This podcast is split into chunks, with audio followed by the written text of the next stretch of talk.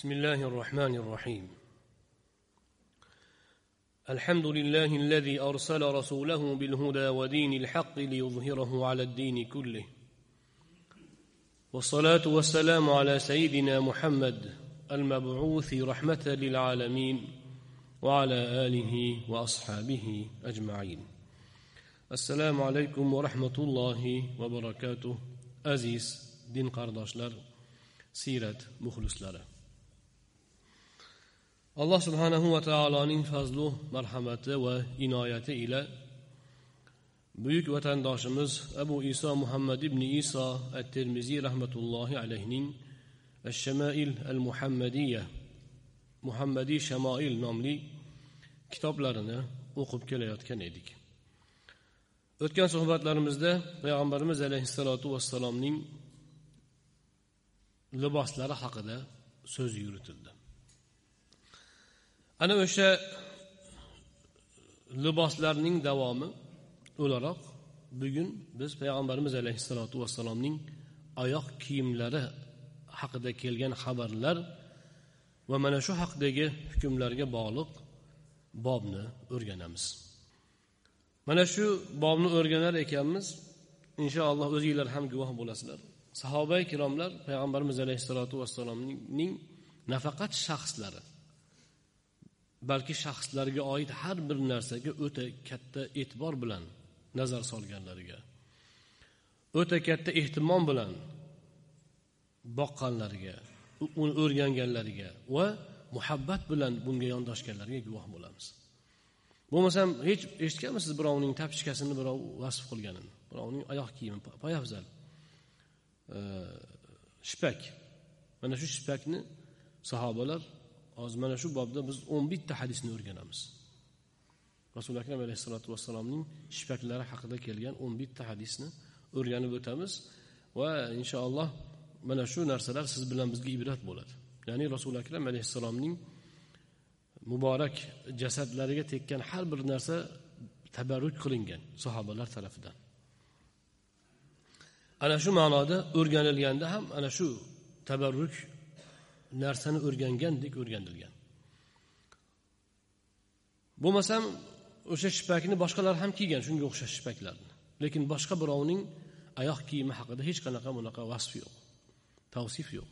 Lekin rasuli akram alayhissalotu vassalomning oyoq kiyimlarini sahobalar qanchalar bir e'tibor bilan kuzatganlari o'rganganlari va vasf qilganlarini mana shu bobda o'rganar ekanmiz bu bu e, ma'noda ya'ni rasuli akram alayhissalotu vassalomga ergashish u zotning hayotlarini o'rganish borasida sahobalar qanchalar yuksak bo'lganiga yana bir bor guvoh bo'lamiz bismillahi rohmanir rohim وبالسند المتصل عن شيوخي إلى المصنف أبي عيسى محمد بن عيسى الترمذي رحمة الله عليه وقال والمصنف المصنف يقول باب ما جاء في نعل رسول الله صلى الله عليه وسلم. rasululloh sollallohu alayhi vasallamning oyoq kiyimlari shipaklari haqida kelgan xabarlar xususida bob. حدثنا محمد بن بشار حدثنا أبو داود حدثنا همام عن قتادة قال قلت لأنس بن مالك كيف كان نعل رسول الله صلى الله عليه وسلم قال لهما قبالان avvalo mana shu bobda kelayotgan hadislarda biz biz oyoq kiyim deb tarjima qilayotgan so'z nal so'zi qur'onda ham kelgan fahla nalayka deb muso alayhissalomga alloh xitob qilgan tur tog'iga borganda nalingni yech degan Mana shu so'zning tarjimasi haqida men qisqacha e, bir ishora qilib o'tmoqchiman. Tarjimonlarimizga ko'pchilik nalni kavush deb tarjima qiladi. Kavush. To'g'ri hozir nalni kavushni nal deydi. Hozirda. Lekin bu yerda aytilayotgan rasuli akram alayhissalotu vassalomning naallari deganda muso alayhissalomning naallari deganda hozirda biz bilan siz bilan biz ko'rib turgan og'zi yopiq kavush bo'lmagan u. mana bu hadisda biz mana bunga guvoh bo'lamiz. Qatoda aytadilar. Men anas ibn molikka aytdim. Rasululloh sollallohu alayhi vasallamning shipaklari qanday edi? Anas ibn molik roziyallohu anhu aytdiki lahuma qibalan. Rasululloh alayhissalotu vassalomning shipaklarining har birida ikkitadan qanjirg'a bor edi. Tasma qanjirg'a bor edi deydilar. Demak bu nal so'zini kavush deb tarjima qilish noto'g'ri. Chunki bu yerda aytilyaptiki o'sha nal qanaqa edi desa uning ikkita tasmasi bor edi. Bizda svansi deb qo'yamizu haligi bitta bosh boshmaldoqni o'rtasiga kiradigan joyi bor. Hm? Mana shu e, shunaqa barmoq tiqadigan ilashtiradigan tasmasi endi o'zbek tilida qanjirg'a degan so'z bor ekan shu yaqinroq kelar ekan bunga. Tasma endi umumiyroq mana shunisi har bitta poyda ikkitadan edi deyilmoqda. Demak e, rasuli akram alayhissalotu vassalomning oyoq kiyimlari o'sha shipaklarining oldi tomonida ikkita qanjirg'asi ya'ni tasmasi bor edi pastdan tutashib chiqqan.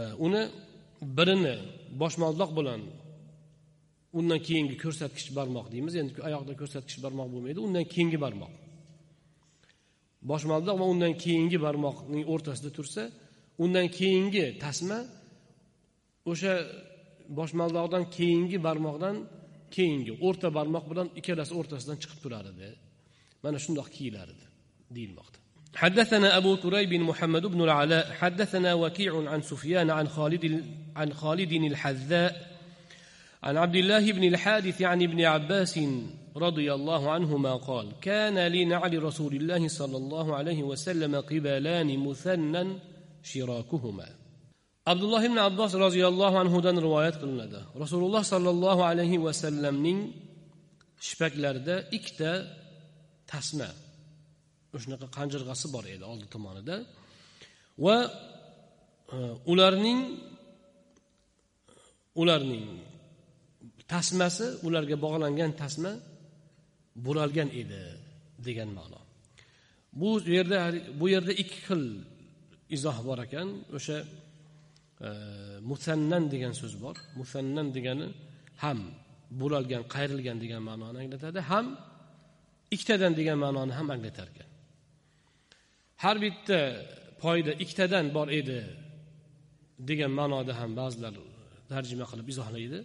lekin ko'proq ma'no shungaki ikkita qibal ya'ni tasma bor edi undan chiqib undan davom etib ketgan undan davom etib ketgan haligi bog'ich buralgan edi degan ma'noda tushuniladi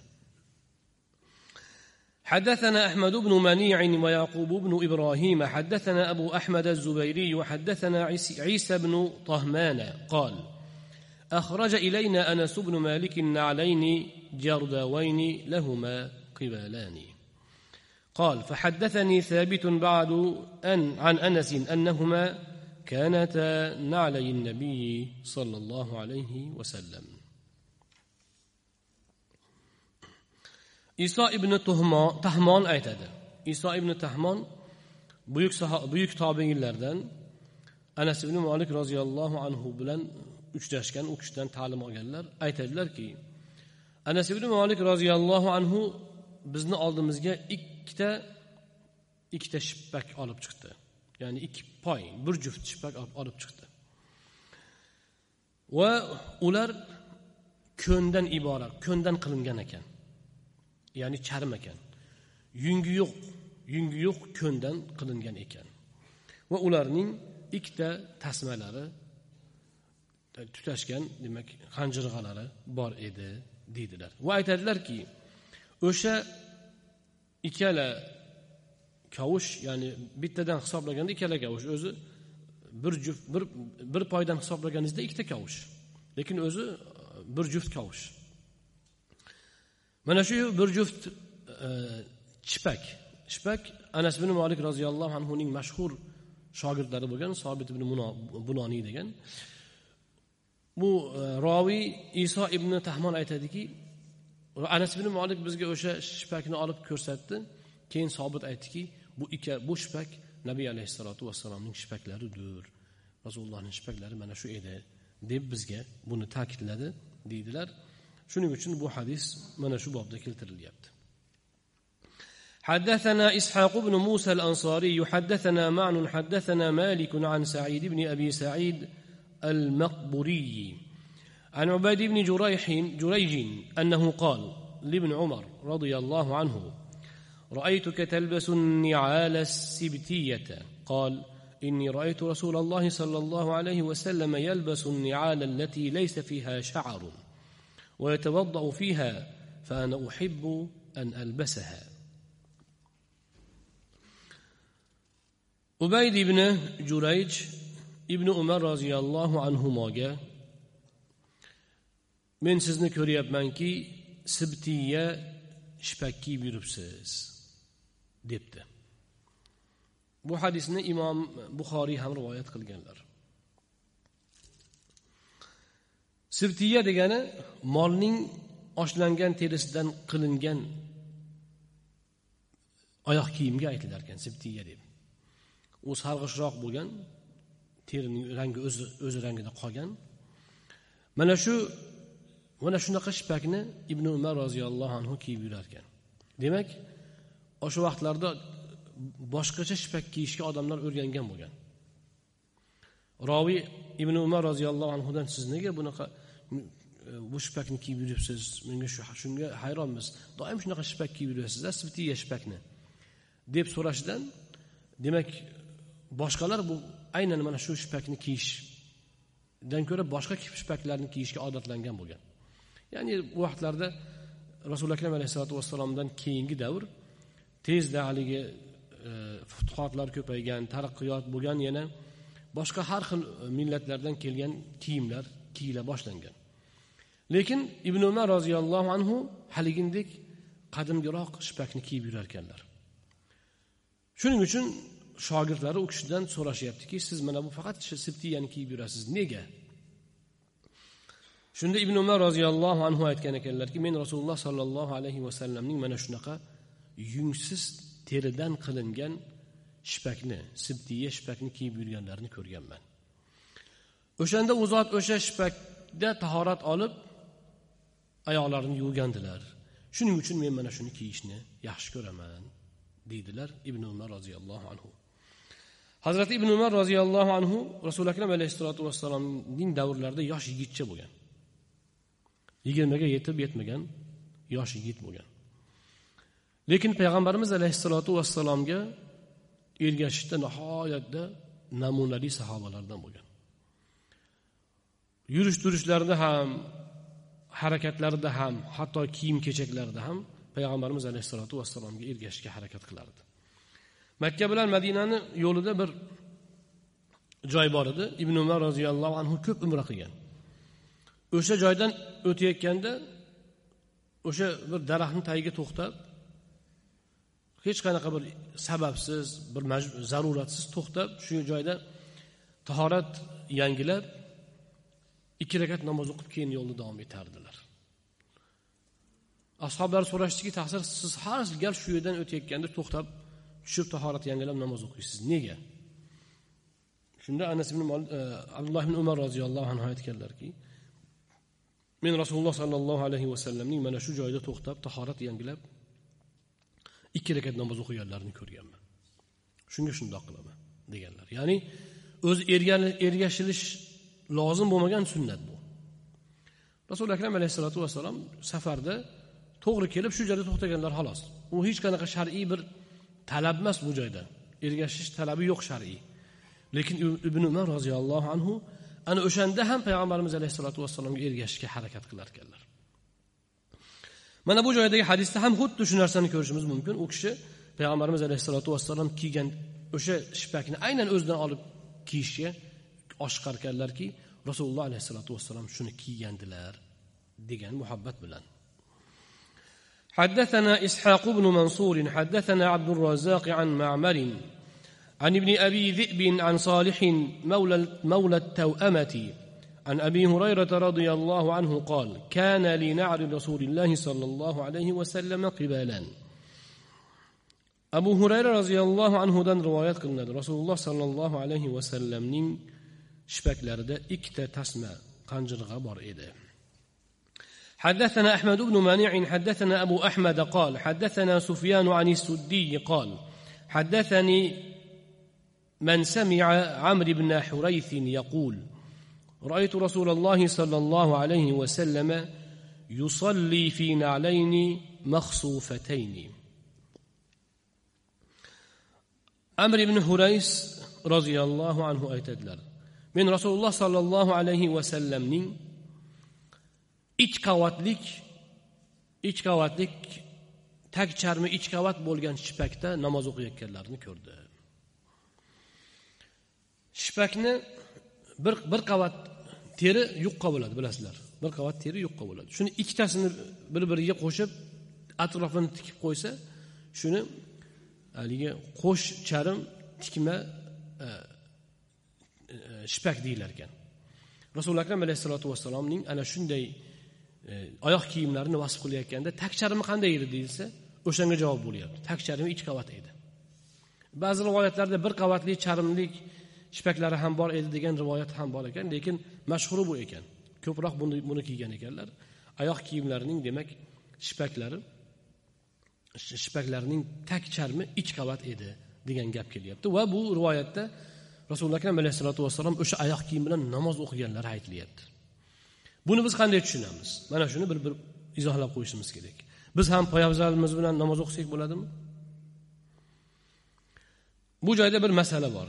Hammamizga kerakli masala. Men uni aytib aytib qo'yaman shu bahona va uni bilib qo'ysak inshaalloh juda savobli bo'ladi.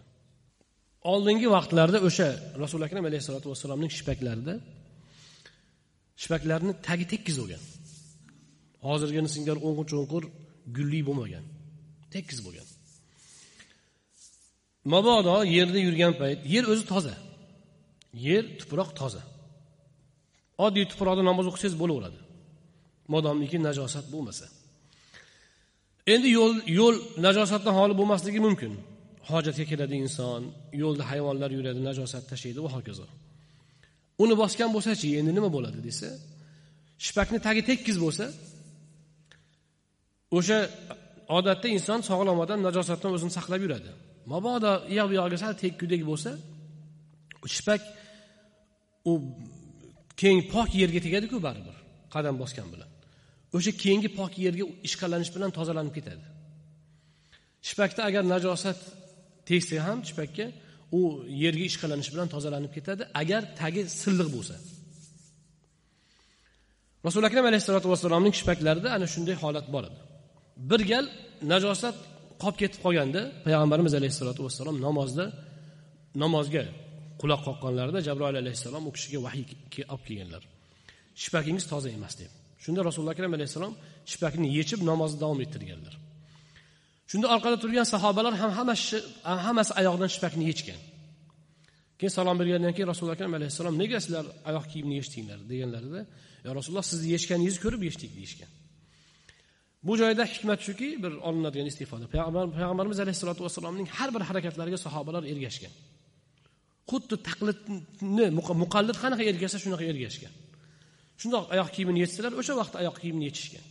Shunda rasuli akram alayhissalom aytganlarki yo'q menga jabroil kelib aytdiki shippakni ostida najosat tegib qolibdi. Shuning uchun yechdim. Sizlarnikida esa u narsa bo'lmasa yechishinglarga hojati yo'q edi deganlar. Demak najosat tegsa agar undan keyingi yer uni tozalab yuborsa unda o'qisa bo'ladi. Lekin undan keyingi yer tozalamasachi? Masalan hozirgi yerlar tozalashi dargumon chunki asfalt yerim yerlarimiz oldingidaqa tuproq emas tuproq tozalagich bo'ladi. Yoyinki mana beton joylarda yuramiz u tozalanmay qolishi ehtimoli yuqori. Ikkinchidan hozirgi poyabzallarni tagi silliq emas. Kirgan chiqqan joylari bor. Ya'ni yerni tishlashi uchun tishlik hozirgi poyabzallarni osti tishlik bunda agar najosat tegib ichkariga kirib qolsa u hech qachon yer tozalolmaydi uni. Chunki yerga ichi ishqalanmaydi. Kirgan joylar ishqalanmaydi. Faqat silliq bo'lsa ishqalanardi. Endi nima qilamiz desa endi biz demak poyabzal bilan namoz o'qimasligimiz kerak. Biz qachon poyabzal bilan namoz o'qiymiz? Hech poyabzal bilan birov namoz o'qimaydiku mana. Masjidga kelayotganda yechib kiramiz. Uyda bo'lsa ham yechib o'qiymiz. Bu gapni nima ahamiyati bor deyilsa bu gapni ahamiyati shundaki janoza namoziga mana shu narsa tegishli. Biz janoza namozlariga boramiz masjidda o'qilsa xayr xo'sh yaxshi. Lekin xonadonlarda o'qib qolinadi yoki masjidda sahnada o'qib qolinadi poyafzal bilan turib qolasiz. Ba'zi odamlar jumadan keyin janoza bor desa patur putur qilib poyafzalni kiyib jaynob tayyor turgan jaynamozdan tushib poyafzalni kiyib janozaga turadi. Poyafzalning tagi pokligiga ishonchi bormi yo'qmi? Mana bu masalani bilib qo'yishimiz kerak.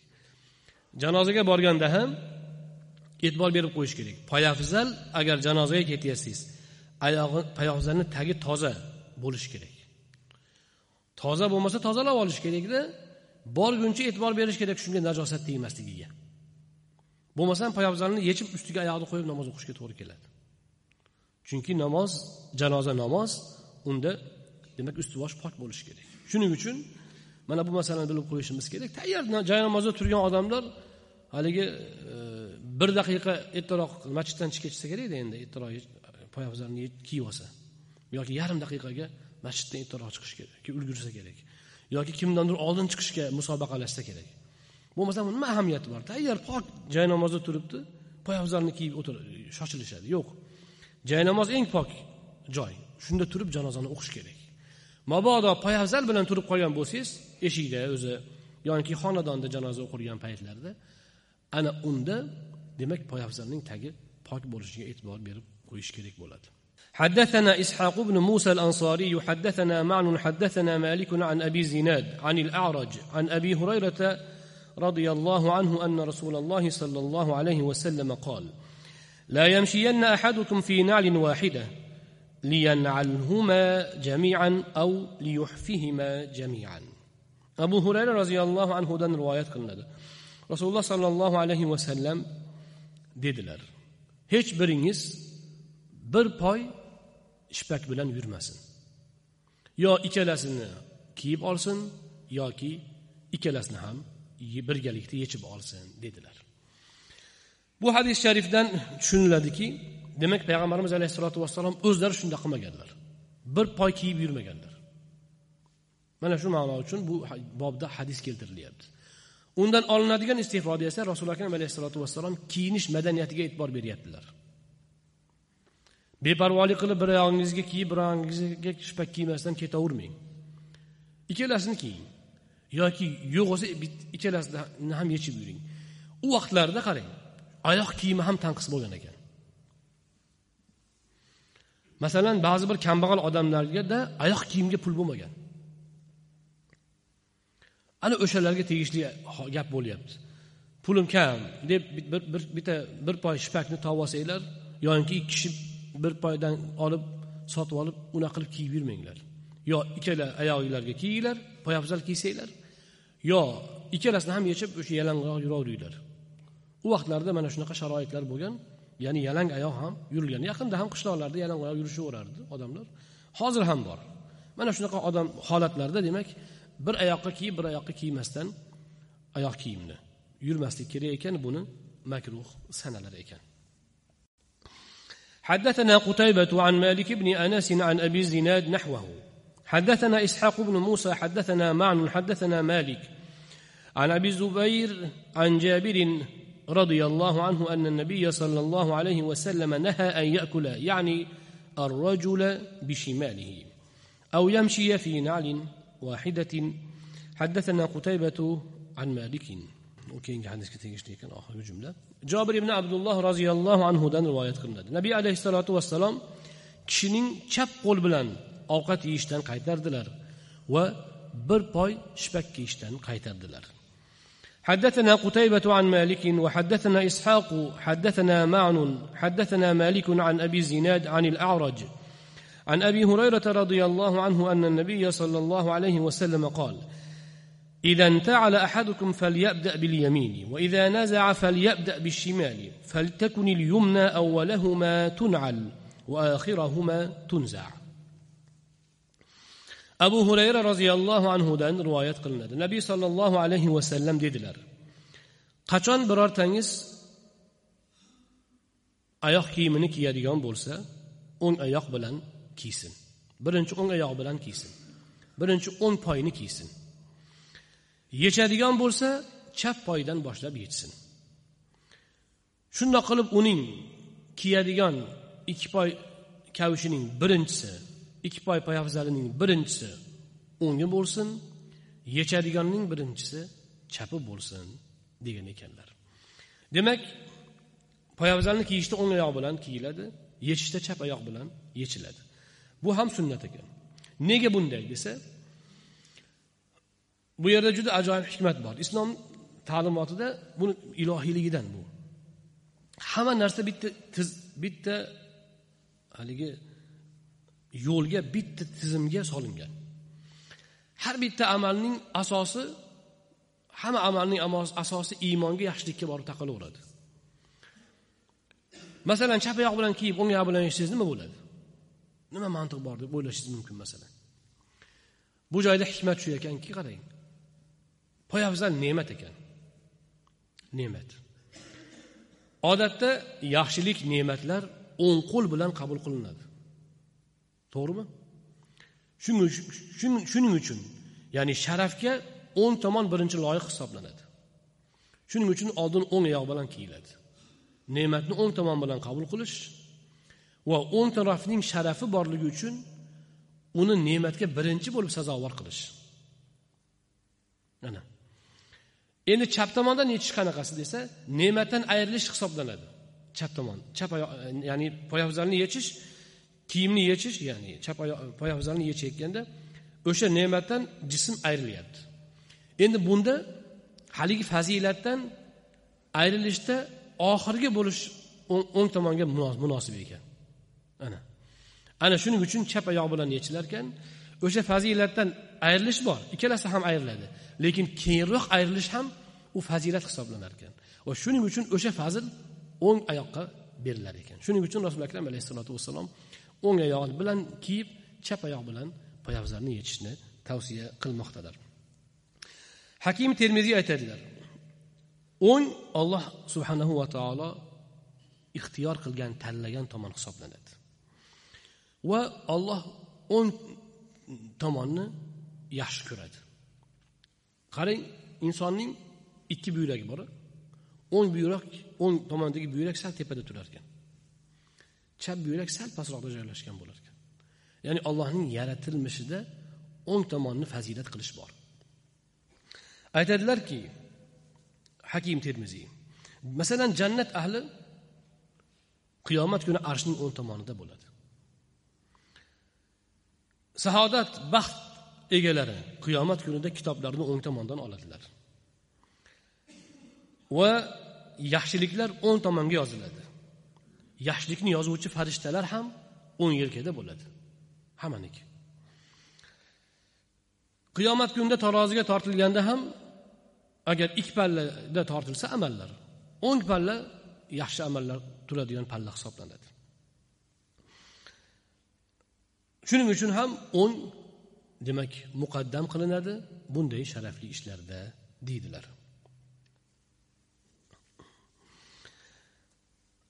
حدثنا أبو موسى محمد بن المثنى حدثنا محمد بن جعفر قال حدثنا شعبة قال أخبرنا أشعث وهو ابن أبي الشعثاء عن أبيه عن مسروق عن عن عائشة رضي الله عنها قالت كان رسول الله صلى الله عليه وسلم يحب التيمن ما استطاع في ترجله وتنعله وطهوره. oysha roziyallohu anhodan rivoyat qilinadi rasululloh sollallohu alayhi vasallam imkon qadar o'ng tomonni ko'proq suyar edilar. Ko'proq muqaddam qo'yar edilar. Soch soqolni parvarishlashda ham poyabzal kiyishda ham va poklanishda ham dedilar. Mana shu sunnatga e'tibor berishimiz kerak. O'ng tomonga. Masalan e, hojatxonaga kirayotganda chap oyoq bilan kirib o'ng oyoq bilan chiqiladi. Lekin masjidga kirganda o'ng oyoq bilan kirib o'ng oyoq bilan chiqiladi. Masjidga kirishda o'ng oyoq bilan kirasiz o'ng oyoq bilan chiqasiz. Mana shunday paytda mana shu masalan masjidga kirishda yoki tahoratdan chiqib tahoratga kirishda poyabzalni yechib kiyish o'rtasida sal bir biriga ziddiyat paydo bo'lishi mumkin. Mana shunday paytda chap oyoqni sal yechib olib keyin o'ng oyog'ini yechib keyin chap oyoq bilan kirishi mumkin masalan hojatga kirayotganda masjidga kirayotganda esa ikka e, kirishda ham chiqishda ham har ikki holatda o'ng oyog'i bilan kirib chiqiladi. Rasuli akram alayhissalotu vassalom shunday ta'lim berganlar. Shuni germaniyalik bir olim tadqiq qilibdi. Nega shunday? Nega hojatga kirayotgan odam chap oyoq bilan kirib o'ng oyoq bilan chiqadi? A masjidga kirgan odam o'ng oyoq bilan kirib o'ng oyoq bilan chiqadi desa bir bu yerda ajoyib bir e, insonni jismon jismiga doir xususiyatni aytibdi. Inson hushdan ketib qolsa masalan qadam bosayotgan paytda qadam olayotgan paytda hushdan ketsa agar chap oyog'i balandda tepada chap oyog'i ko'tarilib turgan bo'lsa u orqaga tashlar ekan orqaga qarab ketar ekan o'ng oyog'ini ko'targan bo'lsa oldiga munkib ketar ekan hojatxonaga kirayotgan odam agar chap oyoq bilan kiryapsa kirayotgan vaqtda mabodo behushlik kelib qolsa hojatxonadan tashqariga yiqilar ekan. Chiqayotgan paytda xuddi shunaqa holat bo'lsa unda ham hojatxonani tashqarisiga yiqiladi chunki o'ng oyog'i bilan chiqayotgan bo'ladi. Endi bu odam u odamning e, topgan bir hikmati. Lekin bu yerda asosan hojatxona haligindek sharafning ziddi bo'lgani uchun chapayoq bilan kiriladi. Undan tashqari joy pok joy sharafli bo'lgani uchun o'ng oyoq bilan unga qadam bosiladi mana shu ma'nolarni unutmasligimiz kerak حدثنا محمد بن مرزوق عن عبد الرحمن بن قيس أبي معاوية حدثنا هشام عن محمد عن أبي هريرة قال كان لنعل رسول الله صلى الله عليه وسلم قبالان. وأبي بكر وعمر رضي الله تعالى عنهما. وأول من عقد عقدا واحدا usmanu roziyallohu anhu. Abu hurayra roziyallohu anhu aytadilar. Rasululloh sollallohu alayhi vasallamning shipaklarida ikkita tasma bor edi. Abu bakr umar roziyallohu anhularning oyoq kiyimlari ham shundoq edi. Ikkita tasmalik edi. Haligi aytganimizdek bosh barmoqdan keyin bitta tasma undan keyingi barmoqdan keyin o'rta barmoq bilan o'rtada yana bitta tasma. Mana shunday edi. Birinchi bo'lib tasmani bitta qilib poyabzal kiygan kishi usmon roziyallohu anhu bo'ldilar deydilar. Abu hurayra roziyallohu anhu. Demak bu yerda payg'ambarimiz alayhissalotu vassalomning o'sha poyabzallarini vasf qilishda mana bu hadisni keltirishdan maqsad nima? Usmon roziyallohu anhu bitta tasmalik poyabzal kiygan ekanku degan hadisni keltirishda maqsad nima desa bu narsada rasuli akram alayhissalotu vassalom ikkita tasmalik kiygan ekan deb ergashish shart emasligi tushuniladi. Bu hadisni imom termiziy keltirishdan maqsad hazrati usmon roziyallohu anhu rasuli akram alayhissalomning buyuk sahobalaridan rasulullohga ergashishda eng peshqadam odamlardan. O'sha u zot demak ikkita tasma kiyish shart emas deb tushungani uchun bitta tasmalik poyabzal kiygan. Demak bu narsa shar'iy majburiyat talab yoki shar'iy bir nima sunnat ma'nosidagi holat emas balki odatga ko'ra imkoniyatga ko'ra qilinadigan ish degan ma'noni uqtirish uchun imom termiziy mana shu rivoyatni bu yerda keltiryaptilar. Bundan biz nimani tushunamiz? Imom termiziylar rasuli akram alayhissalotu vassalomga ergashishda mana shunaqa daqiq joylargacha e'tibor berishgan. Hozir siz bilan bizga bir g'alatiroq tuyulishi ham mumkin. Ho'p poyabzalni o'sha tasmasi bitta bo'ldi nima ikkita bo'ldi nima bog'ichi qanaqasiga endi buni bir muhokamasi degan gap o'tishi mumkin bizdan. Lekin ulug'larimiz rasuli akram alayhissalotu vassalomga ergashishda nihoyatda eng nozik masalalargacha ipidan ignasigacha ergashishga harakat qilganlaridan mana bunday masalalarni yoritishgan. Biz ana shu ma'nolarni o'zimizda demak tutishimiz lozim. Xulosa qilib aytganda bob tugadi. Rasuli akram alayhissalotu vassalomning e, poyabzallariga haqida kelgan hadislar hozir yakuniga yetdi. Xulosa qilib aytganimizda demak rasuli akram alayhissalotu vassalom ana shunday ikki qavatlik shippak kiygan ekanlar. Ajoyib bir she'r bor ekan. O'sha she'rni ham men sizlarga o'qib beray. Bu ham o'sha ulug' ulamolarimizning payg'ambarimiz alayhissalotu vassalomga tegishli har bir narsani alohida e'tibor bilan o'rganganlardan. Anas ibn molik roziyallohu anhu rasuli akram alayhissalomning shipaklarini saqlar ekan o'rgandik. Nega saqlagan? Tabarruk. Tabarruk sifatida saqlagan. Chunki islom ummati rasulimiz alayhissalotu vassalomning tanalariga tekkanki narsa muborak ekanida ixtilof qilmagan. Rasulullohni tanalariga tekkan narsa borki tabarruk hisoblanadi. O'shaning uchun sahobalar buni saqlashgan.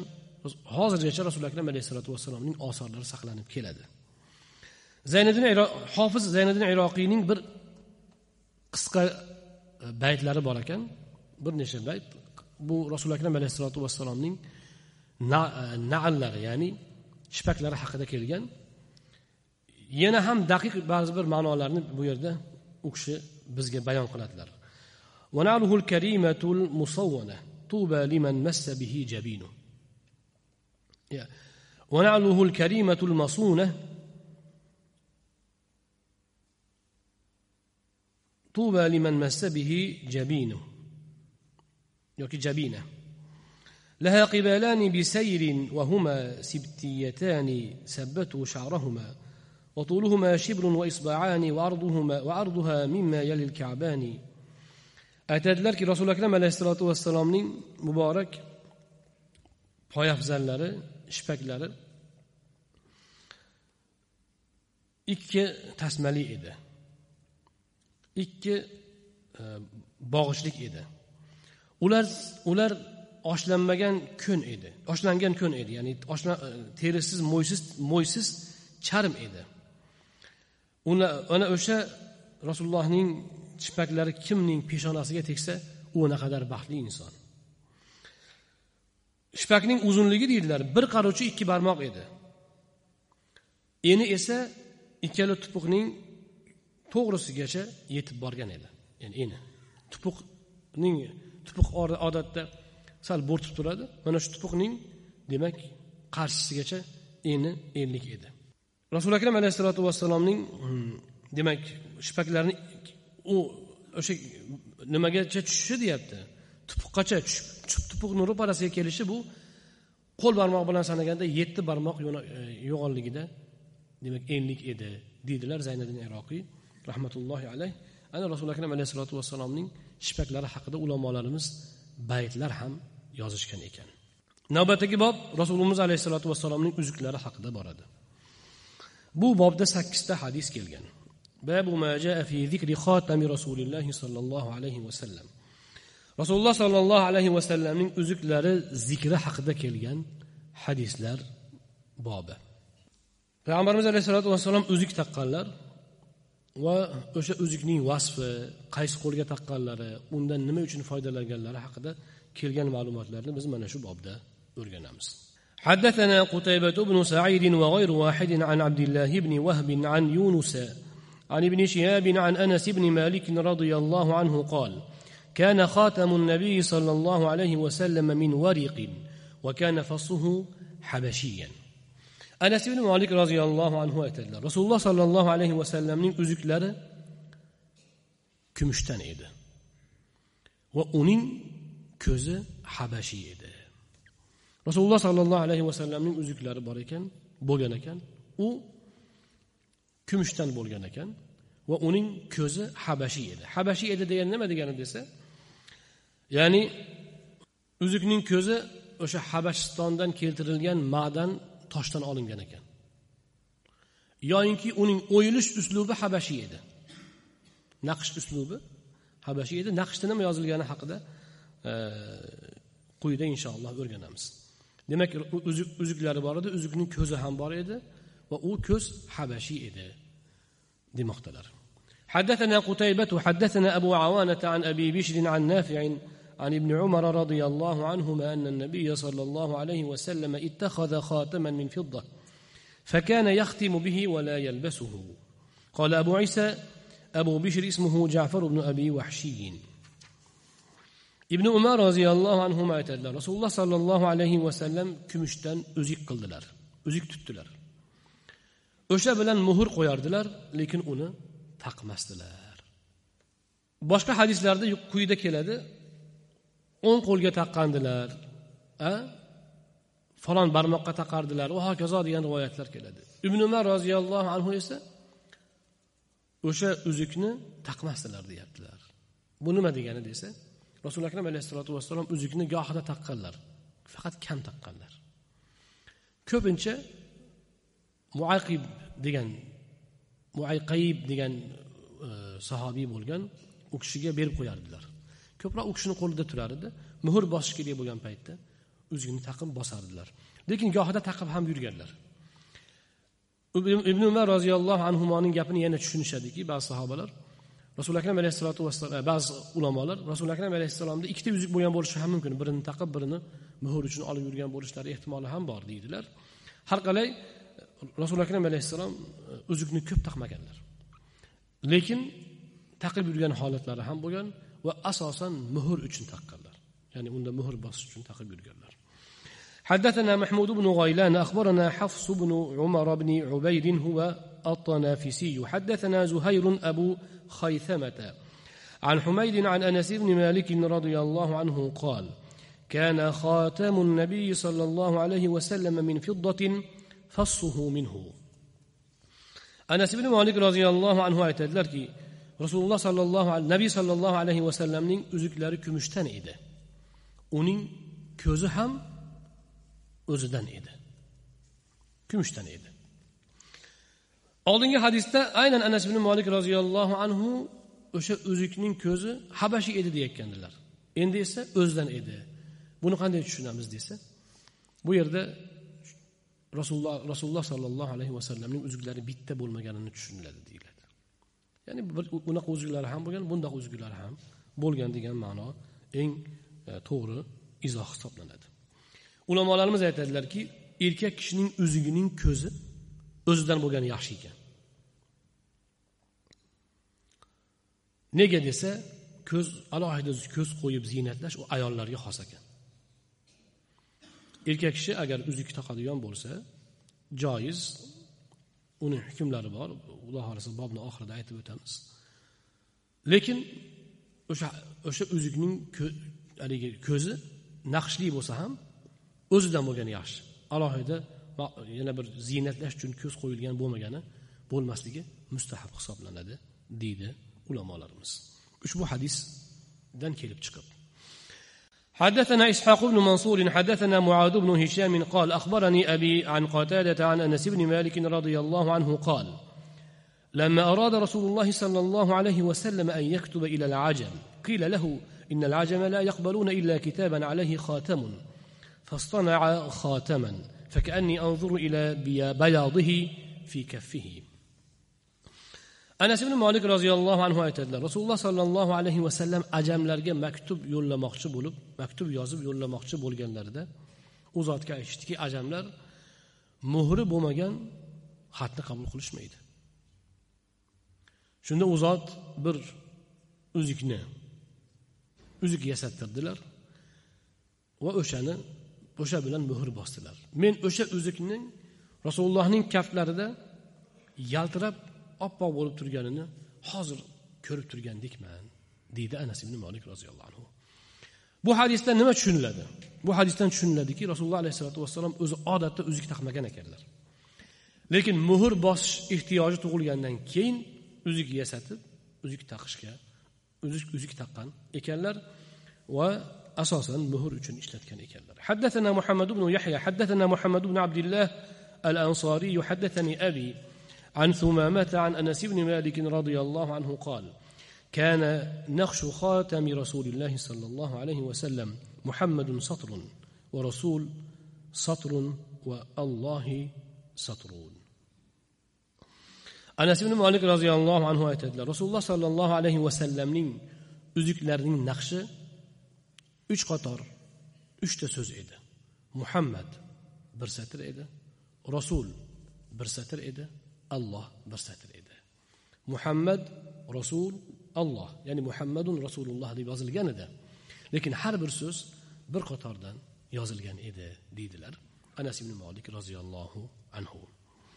حدثنا نصر بن علي الجهضمي أبو عمرو. حدثنا نوح بن قيس عن خالد بن قيس عن قتادة عن أنس بن مالك رضي الله عنه أن النبي صلى الله عليه وسلم كتب إلى كسرى وقيصر والنجاشي. فقيل له إنهم لا يقبلون كتابا إلا بخاتم. فصاغ رسول الله صلى الله عليه وسلم خاتما حلقته فضة. ونقش فيه محمد رسول الله صلى الله عليه وسلم. أنس بن مالك رضي الله عنه aytadilar nabiy sollallohu alayhi vasallam kisro qaysar najoshiylarga maktub yozdilar shunda u zotga aytishdiki ular faqat muhr bilangina maktubni qabul qilishadi. Shunda u zot alayhissalotu vassalom bir uzuk yasattirdilar.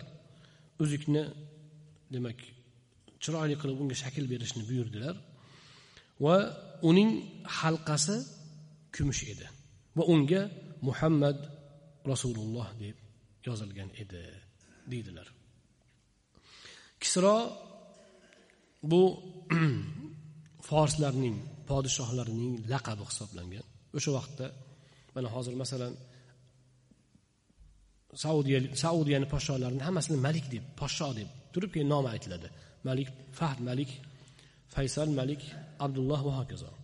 Ba'zi bir mamlakatlarnikini prezident so'zi ishlatiladi. Prezident palonchi prezident. U prezident degan so'z turaveradi. Xuddi shuni singari nimalarda forslarda kisro desa o'sha vaqtdagi shu somoniylar davlatida rahbar bo'lgan podshoni kisro deb atashgan. Qaysar esa bu ikkinchi bir katta imperator o'sha vaqtda rum imperatorlarining laqabi bo'lgan taxtga o'tirgan kishini demak qaysar deb atalgan. Najoshiy o'zi e, bu habashistonning podshosi bo'lganlar mana shu amirlarga podshohlarga rasuli akram alayhissalotu vassalom da'vat maktublarini yo'llaganlar. O'sha maktublarda rasulullohning muhrlari qo'yilgan edi. O'sha maktublarning ayrimlari hozir ham saqlanib qolgan. Bor hozir ham.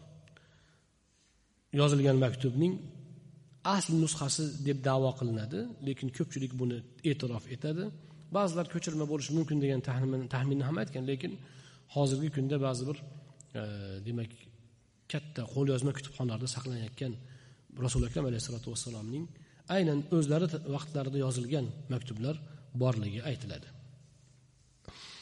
حدثنا إسحاق بن منصور حدثنا سعيد بن عامر والحجاج بن منهال عن همام عن ابن جريج عن الزهري عن أنس رضي الله عنه أن النبي صلى الله عليه وسلم كان إذا دخل الخلاء نزع خاتمه anas ibn molik roziyallohu anhu aytadilar. Nabiy sollallohu alayhi vasallam haloga hojatxonaga kiradigan bo'lsalar uzukni yechib qo'yardilar. Chunki rasululloh sollallohu alayhi vasallamning uzuklarida allohning nomlari bor allohning nomi bor edi. Muhammad rasululloh nomi bor edi. Bundan chiqadiki soat bo'ladimi uzuk bo'ladimi yoki boshqa bir jihoz bo'ladimi bo'yinga taqilgan biror narsa bo'ladimi? Agar alloh va rasulining ismlari bo'lsa unda ya'ni rasulullohning ismlari bo'lsa rasululloh yoki allohning ismlari bo'lsa yoki oyat bo'lsa yoki mana shunga o'xshash muqaddas matnlar hisobida bo'lsa ulardan nima bo'lsa namuna bo'lsa iqtiboslar bo'lsa u bilan hojatxonaga kirib bo'lmaydi. Yechib keyin kirish kerak bo'ladi. Shuning uchun salla bilan ham kirilmagan kirilmaydi deyiladi. Salla bilan kirish ham makruh deyiladi. Nega desa salla islomning ramziga aylangani uchun mana bu bilan masjidga e, tahoratxonaga kirish makruh deyiladi. Bu alloh subhanahu va taoloni ulug'lashga kiradi. Allohning ulug'lash esa iymonning taqozosi alomatlaridan sanaladi. حدثنا إسحاق بن منصور حدثنا عبد الله بن نمير حدثنا عبيد الله بن عمر عن نافع عن ابن عمر رضي الله عنهما قال اتخذ رسول الله صلى الله عليه وسلم خاتما من ورق فكان في يده ثم كان في يد أبي بكر ويد عمر ثم كان في يد عثمان حتى وقع في بئر أليس. نقشه محمد رسول الله صلى الله عليه وسلم. Ibn umar roziyallohu anhu aytadilar. Rasululloh sollallohu alayhi vasallam aqchadan ya'ni kumushdan uzuk tutdilar. U rasululloh alayhissalomning qo'llarida turar edi. Keyin abu bakrning qo'lida turadigan bo'ldi keyin umarning qo'lida bo'ldi keyin esa usmonning qo'lida bo'ldi. To aris qudug'iga tushib ketgunicha o'sha uzukning naqshi muhammad rasululloh edi. Rasululloh sollallohu alayhi vasallam payg'ambarimiz alayhissalotu vassalomning o'sha muhr muhr bosadigan uzuklarini u zotning xalifalari hazrati abu bakr ham saqlaganlar taqib yurganlar. Keyin hazrati umar ham taqib yurganlar. Keyin hazrati usmon ham taqiganlar ya'ni xalifa bo'lganlaridan keyin. Lekin o'sha e, uzuk hazrati umar usmon roziyallohu anhu xalifalik vaqtlarida payg'ambarimiz alayhissalotu vassalomning uzuklariga mas'ul bo'lgan sahobiy bor edi muayqib degan. Muayqib ibn abu fotima. Muayqib ibn abu fotima degan sahobiy o'sha uzukka mas'ul edi. Hazrati usmonning davrlarida hazrati usmon roziyallohu anhu o'zi qazdirgan ba'zida ba'zi rivoyatlarga ko'ra e, sotib olgan quduqni quduqni ustida hazrati usmonga o'sha uzukni berayotgan paytda quduqqa tushib ketib qoladi. Uzuk. Muayqibning qo'lidan tushib ketdi uzuk deb rivoyatlarda keladi. Muayqib roziyallohu anhu hazrati usmonga haligi uzukni uzatayotgan bo'ladi. Quduqqa tushib ketib qoladi. U quduq madinadagi rasuli akram alayhissalotu vassalom suv ichgan yettita quduqning eng suvi shirini hisoblanadi. Eng suvi shirini edi. Haligi uzuk tushib ketgandan keyin hazrati usmon roziyallohu anhu qattiq tashvishga tushadilar. Keyin quduqni tozalatib uch kun quduqni qidirishadi. Hamma suvni olib oxirigacha suvni olsa ham uzukni topisholmaydi. Uch kun qidirib uzuk topilmagandan keyin keyin umid uziladi. O'shandan keyin bu quduqqa rasulullohning uzuklari tushdi. Endi chiqqanki suv rasululloh alayhissalomni badanlariga tekkan uzukka tegib keyin ichishga keladida endi. Shuning uchun bu uzuk e, bu quduq birul xotam uzuk qudug'i deb ataladigan bo'ldi. Va payg'ambarimiz alayhissalotu vassalomning uzuklarida uzuklariga tekkan suv o'laroq tabarrukligi oshdi. Sahobalar atay mana shu quduqdan suv ichish uchun kelishar edi. Va bu quduq yaqingacha saqlanib kelar edi. O'sha quduq o'sha zamondan beri hozirgacha saqlanib kelgan edi. Illo mana shu oxirgi yillarda qubo masjidini yonida bu quduq qubo masjidini yonida bo'lgan. Oxirgi yillarda saudiya hukumatining ba'zi bir mas'ullarining sharofati bilan qo'shtirnoq ichida mana shu quduq yo'q qilindi. O'sha quduqni ko'mib yo'qotishib tekizlab o'rnini o'rniga chim ekib hozir hozir chim. Uni o'rniga keyin moshina turar joy qilishdi. Keyin odamlarda norozilik ko'paydi. Chunki u quduqdan rasuli akram alayhissalotu vassalom ichgan suv ichgan quduq deb saqlanar edi. Payg'ambarimiz alayhissalotu vassalomning tabarruk quduqlari edi. Sahobalardan tortib bugungacha ulamolar o'sha quduqning suvidan atay borib ichishgan. Nega desa rasululloh suv ichgan quduq va rasulullohning uzuklari qolib ketgan quduq. U quduqdan keyin u uzukni birov ololmagan. Lekin mana shu quduqni mana yaqin mana shu oxirgi o'n yilliklarda qubo masjidini kengaytirish bahonasida quduqni yo'qotishdi. Quduqni rasmlari hozirgacha bor chunki yaqingacha bo'lganda. Rasmlar suratlari bor internetda qaralsa chiqadi. Uni yopishdi ko'mishdi keyin odamlar madinadagi ulamolar ba'zi bir kishilarda e'tiroz ko'payib qaytadan ochamiz bu quduqni deyishdi. O'sha quduq qarang o'sha ming to'rt yuz yildan beri suvi tugamagan ekan. Qurimagan. Musulmonlar ichib kelayotgan bo'lgan nihoyatda suvi shirin bo'lgan. Ulamolar aytadilar tarixchi ulamolar madinadagi rasululloh suv ichadigan quduqlar yettita quduq bo'lgan. O'sha quduqlarning eng suvi shirini mana shu edi deyishadi.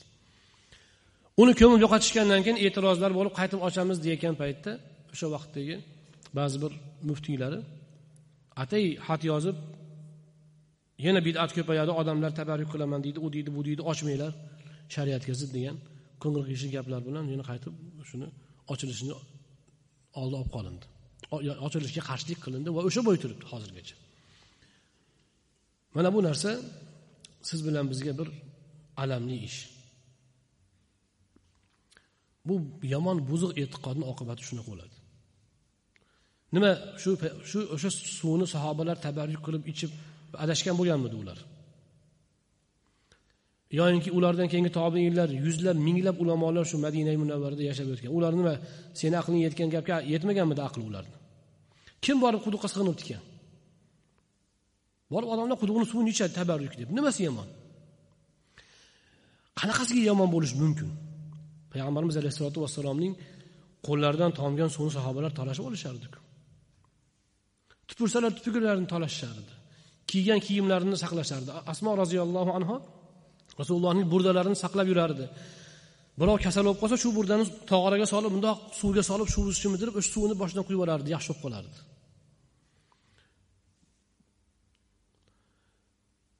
Endi o'sha qulug'ini yo'qotib keyin xotirjam bo'lishdi bular. Mana shunaqa osorlarni yuzlabini yo'qotishgan. Endi uni qayta tiklab bo'lmaydi uni. Yo'q. Vaholanki boshqa xalqlarning bir osor atiqalarni saqlashga e'tibor bering. Aroq ichadigan haligi harom narsa ichgan krujkalarni saqlashami yana nima ko'zoynagini saqlashami shunaqa. O'shani saqlaydi o'shani tabarruk qilib tomosha qilib yotishibdi. Bir tiyinga qimmat hech kim bo'lmagan balki posiq odamlar. Musulmon ummati rasuli akram alayhissalotu vassalomning osorlarini saqlab kelgan. Bunda juda katta hikmat bor. Birinchidan tabarruk. Unda shubha yo'q. Islom ulamolari bunga ittifoq yani hazrati umar roziyallohu ibn umar roziyallohu anhu rasululloh alayhissalomning minbarlarini silab ko'zlariga surtardilar. Tabarrukligidanmi muhabbatdanmi bu?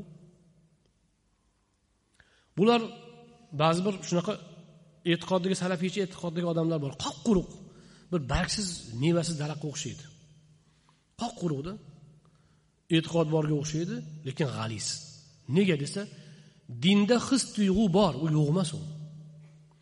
O'ylamanglar islom shariati faqat ikki karra ikkidan iborat. To'rt karra to'rt o'n olti unaqa emas.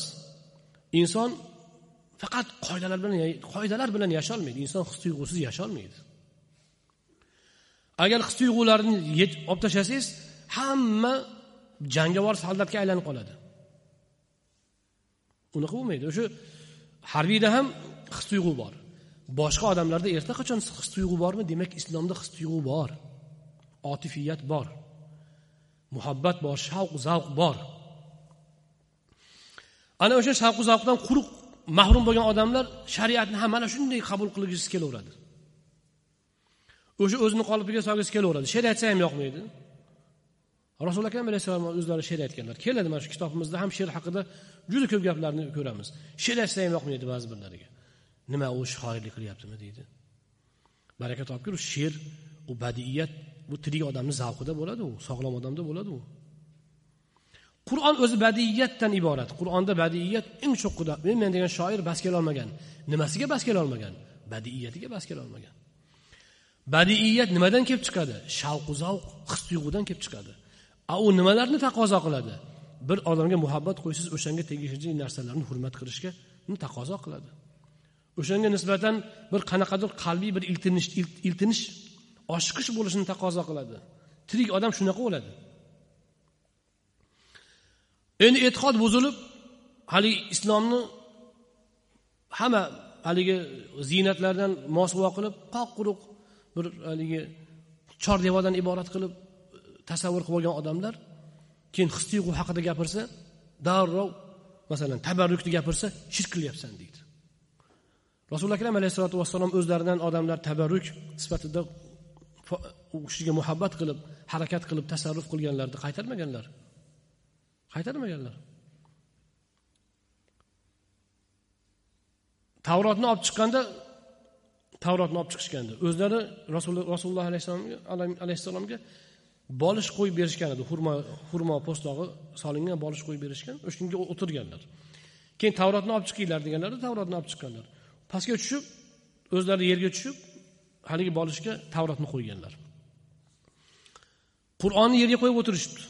O'sha his tuyg'udan mosuvo bo'lganlar. Bo'laveradi deydi. Bunga hadis kelmagan deydi.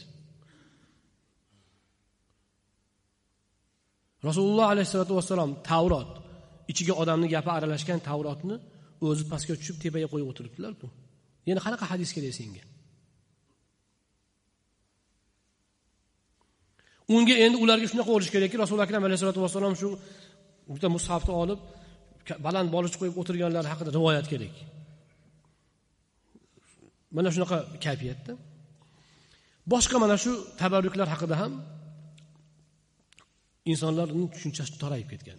Lekin bu degani azizlar borib qabrni silasa bo'laveradi degani emas u. U nojoiz narsa. Qabrni silab ko'zga surtib uni tavof qilish bu bu mumkin emas narsa. Lekin o'shanda ham o'sha odamlarni mushrik demaymiz. Shuni bilib qo'yish kerak. Bular ha desa mushrikka chiqaraveradi. Yo'q. Harom ish qildi deyishingiz mumkin lekin mushrik bo'lmaydi. Mushrik bo'lish uchun allohga rosmona sherik qo'yish kerak. U aqida masalasi uni gaplashib uni tahlil qilib keyin unga baho beriladi. Mana shu ma'noda demak o'sha quduqdan biz ayrilganmiz. Buning e, bunga o'xshash holatlar juda ko'p. Makka mukarramada aylanib umraga borganda aylanib yuribmanda e, ziyoratlarga boraylik deb yuribmiz. Yaxshi ham shu xiro g'ori bilan shu savr g'orlari g'or ekanda qolib qolgan shular. Shu kaba bilan shular qolgan endi. Buni bo'lmasa agar g'or bo'lmasa shuni ham bir narsa qilishamidi to'g'risi bexos inson agar tarixdan xabardor bo'lib oldingi osorlar haqidagi ma'lumotlardan oz moz xabaringiz bo'lsa bexos yig'laysiz. Qani u bizni o'tmishimiz? Hozir ularni buzib buzib tayyor haligi shu bir ming to'rt yuz yil islom ummati saqlab kelgan narsalarni buzib buzib maketini qilib qo'yishgan endi hozir. Maketini yasab maketini endi ko'rsatib mana bunaqa edi anaqa edi ana anaqa edi deb tushuntirishyapti o'zi turgan ediku ta'sir. Buzmay tursangiz nima bo'lardi shuni? Qiziqda. Tabarruk qilish rasuli akram alayhissalotu vassalomga taalluqli narsalarni tabarruk qilish ko'zga surtish undan barakot umid qilish bu mashru narsa. Buni shirkka taqash boshqa qilish hech bir dalilga asoslanmaydi. Hech qanaqa vasvasa xolos u. Lekin bu narsalarda mo'tadillik kerak va o'sha shar'iy chegarada turish kerak. Haddan oshish bo'lmaydi. Sig'inib haligi o'sha narsani o'zini muqaddas sanab o'shanga sig'inib ketish durust emas. Lekin shar'iy mezonda rasuli akram alayhissalotu vassalomning sahobalari va ulardan keyingi ulamolar qo'llagan chegarada bu narsalarni demak amalga oshirish tasarruf qilish joiz va savobli amal hisoblanadi. Alloh subhanahu va taolo bugun o'rganganlarimizni o'zi manfaatli aylasin. Bobning oxirida demak rasuli akram alayhissalotu vassalomning uzuk taqishlari haqida gapirmoqchi edik. Inshaalloh kelgusi suhbatimiz ham rasulullohning uzuklari haqida boradi. O'sha bobning oxirida inshaalloh bu haqda to'xtalib o'tamiz. Hozir namoz vaqti yaqinlashib qolibdi. Navbatdagi bob nabiy alayhissalotu vassalom uzukni o'ng qo'llariga taqishlari haqida boradi. Alloh subhanahu va taolo o'zi hammalarimizga foydali ilm bersin o'rganganlarimizdan istifoda qilish baxtini nasib aylasin. سبحانك اللهم وبحمدك لا إله إلا أنت نستغفرك ونتوب إليك اللهم لك الحمد على كل حال ولك الشكر على كل حال وصلى الله على نبينا محمد وآله وأصحابه أجمعين اللهم انفعنا بما علمتنا وعلمنا ما ينفعنا وزدنا علما نافعا اللهم ارزقنا علما نافعا ورزقا طيبا واسعا وعملا صالحا متقبلا parvardigori o'zing barchalarimizga o'rganayotgan ilmlarimizni manfaatli aylagin o'zimiz uchun oilamiz el yurtimiz uchun manfaatli qilgin qulf dillarimizni o'zing ochgin qalblarimizni o'zingni diningga hamisha iqbolli oshiqadigan qilgin alloh rasulining rasuli akram alayhissalotu vassalomga bo'lgan muhabbatimiz u zot haqlaridagi bilimlarimiz ziyoda bo'lishini nasib ayla buning natijasida u zotga ergashishimiz ziyoda bo'lishini muyassar etgin.